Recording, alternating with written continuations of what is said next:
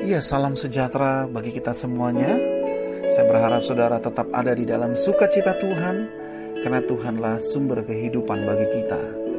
Bersama dengan saya, Pendeta Leri Tulus Lemban Tobing, kita masuk dalam renungan suara sorgawi Jumat 25 September 2020. Kita berdoa, Bapa yang Maha Kasih, kami sungguh bersyukur buat setiap kasih dan penyertaan Tuhan di dalam kehidupan kami. Biarlah saat ini kami rindu untuk mendengarkan suaramu lewat firman Tuhan yang boleh kami renungkan bersama. Pimpin kami di dalam rohmu. Hanya di dalam nama Tuhan Yesus kami berdoa. Amin. Ya, saudara-saudara yang dikasih Tuhan, tema yang akan kita renungkan pada saat ini ialah memulihkan tanah gersang. Mari kita sama-sama membaca dari Mazmur 68 ayat yang ke-9.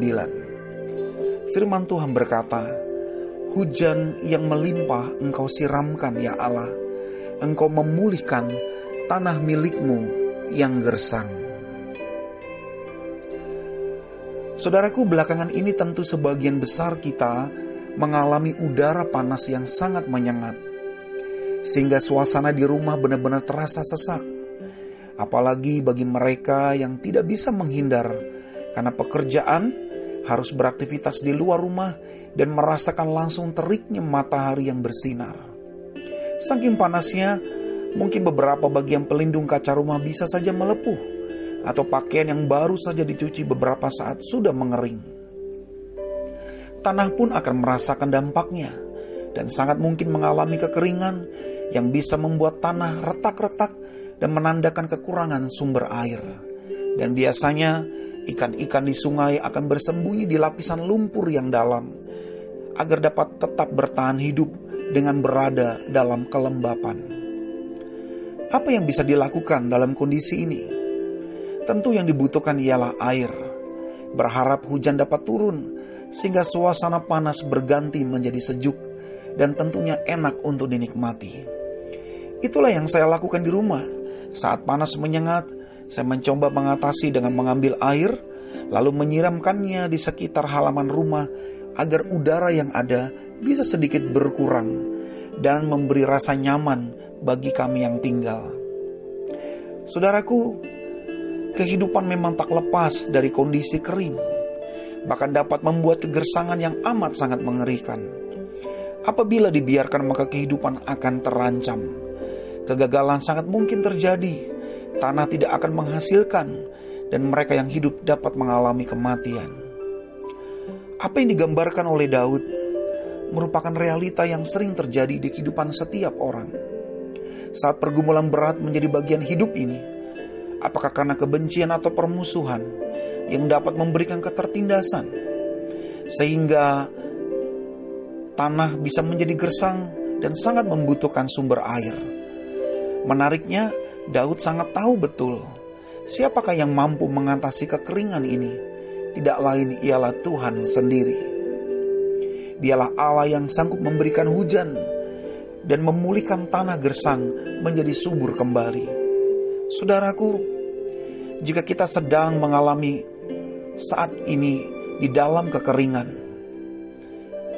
marilah kita mampu untuk bisa mengalami dan mengatasi kekeringan dan kegersangan yang ada dengan terus menanti jawaban dan pertolongan walaupun saat ini kita belum memperolehnya. Marilah kita belajar seperti Daud. Ada dua hal yang ia tekankan untuk menjadi jawaban bagi kita di dalam mengatasi keadaan yang ada. Daud meyakini bahwa yang pertama, hanya Tuhanlah sumber air yang mampu menurunkan hujan. Yang kedua, Tuhan mengasihi segala apa yang ia ciptakan sebab itu adalah miliknya.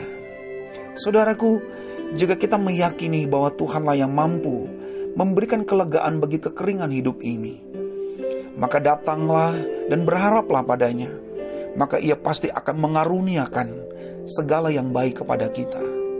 Dan percayalah bahwa Tuhan sangat mengasihi setiap orang yang percaya kepadanya, seperti saudara dan saya yang adalah miliknya, maka tentu akan dipelihara dan dipulihkan dari segala derita.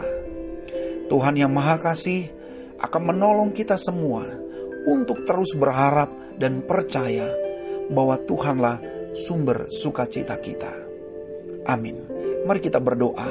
Bapa, kami menyadari bahwa kekeringan bisa kami alami di dalam hidup ini.